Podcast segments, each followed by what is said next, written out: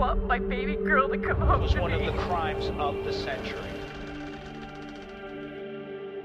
We're gonna be okay. We need to stay alive. There's gonna be a new member to our family. Don't be scared.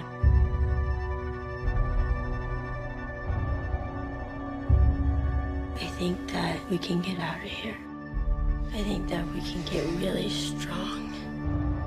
God is in this room every day with me. And He has not let me down yet. Halo pendengar setia Nano Podcast, balik lagi bersama gue Andi dan selamat datang di Nano Podcast. Pada episode kali ini ada hal baru yang akan gue ceritakan kepada kalian. Gue akan membacakan sebuah cerita, kisah nyata, dari sebuah artikel pilihan yang menurut gue keren banget tentunya. Mungkin gak usah berlama-lama, cek di sound. Artikel ini berjudul Rumah Ini Ternyata Simpan Kisah Mengerikan di Baliknya Selama Puluhan Tahun. Fakta menarik lainnya yaitu lokasi rumah yang sengaja diburamkan oleh pihak Google. Kita lihat saja, saat kita mencoba membuka Google Street View, tampak rumah lain begitu jelas. Akan tetapi, ada satu rumah yang sengaja diburamkan. Hmm, kira-kira kenapa ya?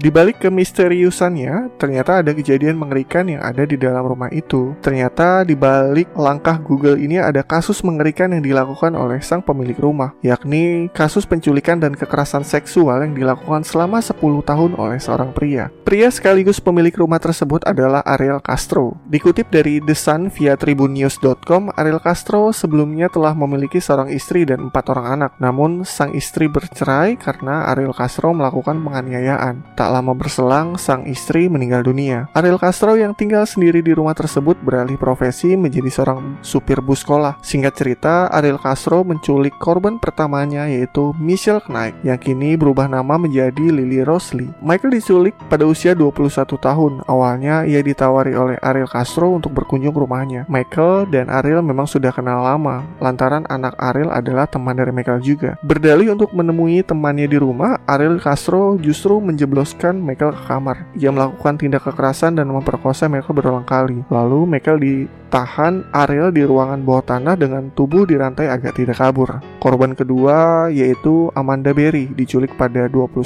April 2003. Amanda yang juga teman anak pelaku dirayu dengan modus yang sama. Saat Amanda pulang kerja, Ariel Castro langsung mengajaknya bertemu sang anak. Begitu Amanda melangkahkan masuk ke rumah kelam itu, Amanda juga diperlakukan sama seperti Michael. Hampir puluhan kali mereka berdua diperkosa oleh Ariel Castro. Setahun selanjutnya, Ariel Castro menculik korban yang paling muda atau yang ketiga yang bernama Gina G. Jesus, usia 14 tahun. Ariel Castro juga melakukan kasus serupa pada Gina. Kondisi Michelle semakin memprihatinkan. Dia telah hamil dan diminta aborsi hingga lima kali. Para wanita tersebut ditahan di lorong dan dirantai. Mereka hanya diberikan makan satu kali dalam sehari dan diberikan ember untuk mandi. Amanda Berry kini berusia 20 tahun dan melahirkan seorang putri bernama Jocelyn pada Natal 2006. Ariel Castro memang melakukan hal berbeda pada Berry. Ariel sering membawa Amanda Berry pergi keluar rumah. Setelah kelahiran anak Amanda Berry ataupun anak yang diculik oleh si Ariel, kehidupan berubah. Ketiganya saling memberikan semangat. Penderitaan mereka hampir berakhir setelah Ariel meninggalkan ketiganya di rumah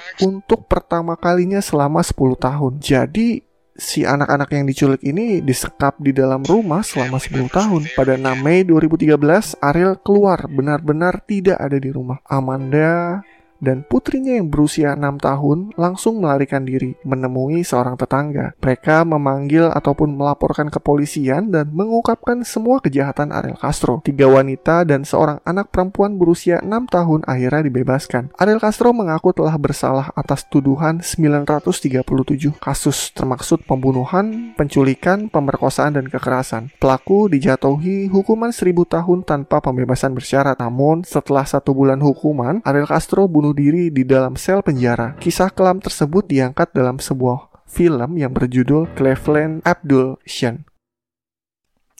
Pesan moral yang bisa kita ambil dari cerita yang tadi sudah gue bacakan adalah Jangan nakal, jangan nyulik orang Ye, dengerin tuh, jangan nyulik orang Deh, gak usah macem-macem Pokoknya simpulin sendiri deh uh, Bagi teman-teman yang mendengarkan Simpulin sendiri aja Apakah tadi ceritanya bagus, kurang menarik Ataupun ada pembawaan-pembawaan yang memang kurang Memang kurang banget